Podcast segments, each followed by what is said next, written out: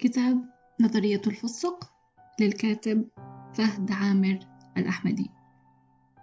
مقدمة. كل إنسان حولك مزيج نفسي ووراثي وثقافي لا يتكرر بين فردين. فأنا وأنت وأي شخص تعرفه محصلة لعناصر وظروف ومؤثرات لا تتشابه حتى بين الثوائم. نتحول بمرور العمر وتنوع الخبرات إلى حقيبة بأرقام سرية لا نعرف حتى نحن كيف نفتحها ونرى محتوياتها. غير أن المشكلة لا تكمن في تنوع شخصيات البشر بل في فشل كل إنسان في اكتشاف نقاط تفرده وأسباب اختلافه عن الآخرين. في اعتقاد كل شخص أنه فريد عصره ووحيد زمانه والمرجع الوحيد فيما يختلف عليه الناس ويخفي عليه أمره. في قناعته بأن ما توصل إليه بعدما يظنه تفكيرا واعيا وعميقا هو الصحيح والسليم وما لم يسبق إليه أحد من العالمين. وأيا كانت آراؤنا ونتائج تفكيرنا فهي في النهاية محصلة لمؤثرات عميقة ولا واعية نسيها معظمنا. محصلة لدوافع وخلفيات توجهنا لتبني آراء وأفكار نعتقد أن على الجميع الالتزام بها.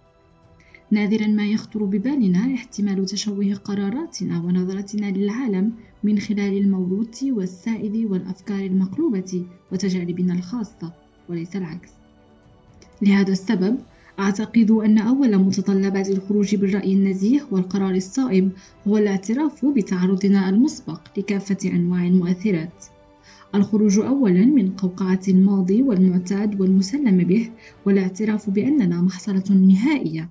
لظروف اجتماعية وثقافية ونفسية أعقد مما نتصور.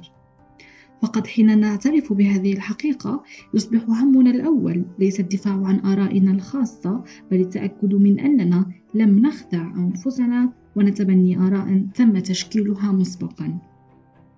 نصبح مهيئين للانتقال من مرحلة لماذا نفعل ذلك؟ إلى كيف نطور أنفسنا ونصبح أفضل من ذلك؟ وفي الحقيقة هذا هو الهدف من تأليف هذا الكتاب.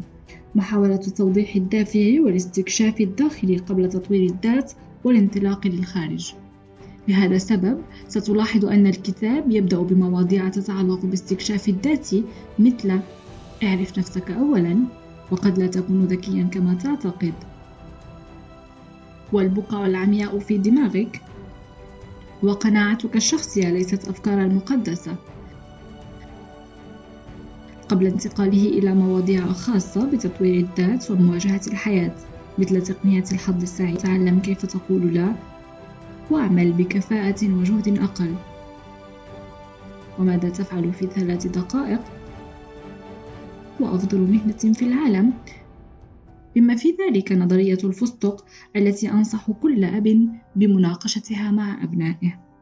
وفي النهاية تذكر دائما أن الكلمات تبقى كلمات حتى تتبناها أنت فتتحول إلى تصرفات وأفعال.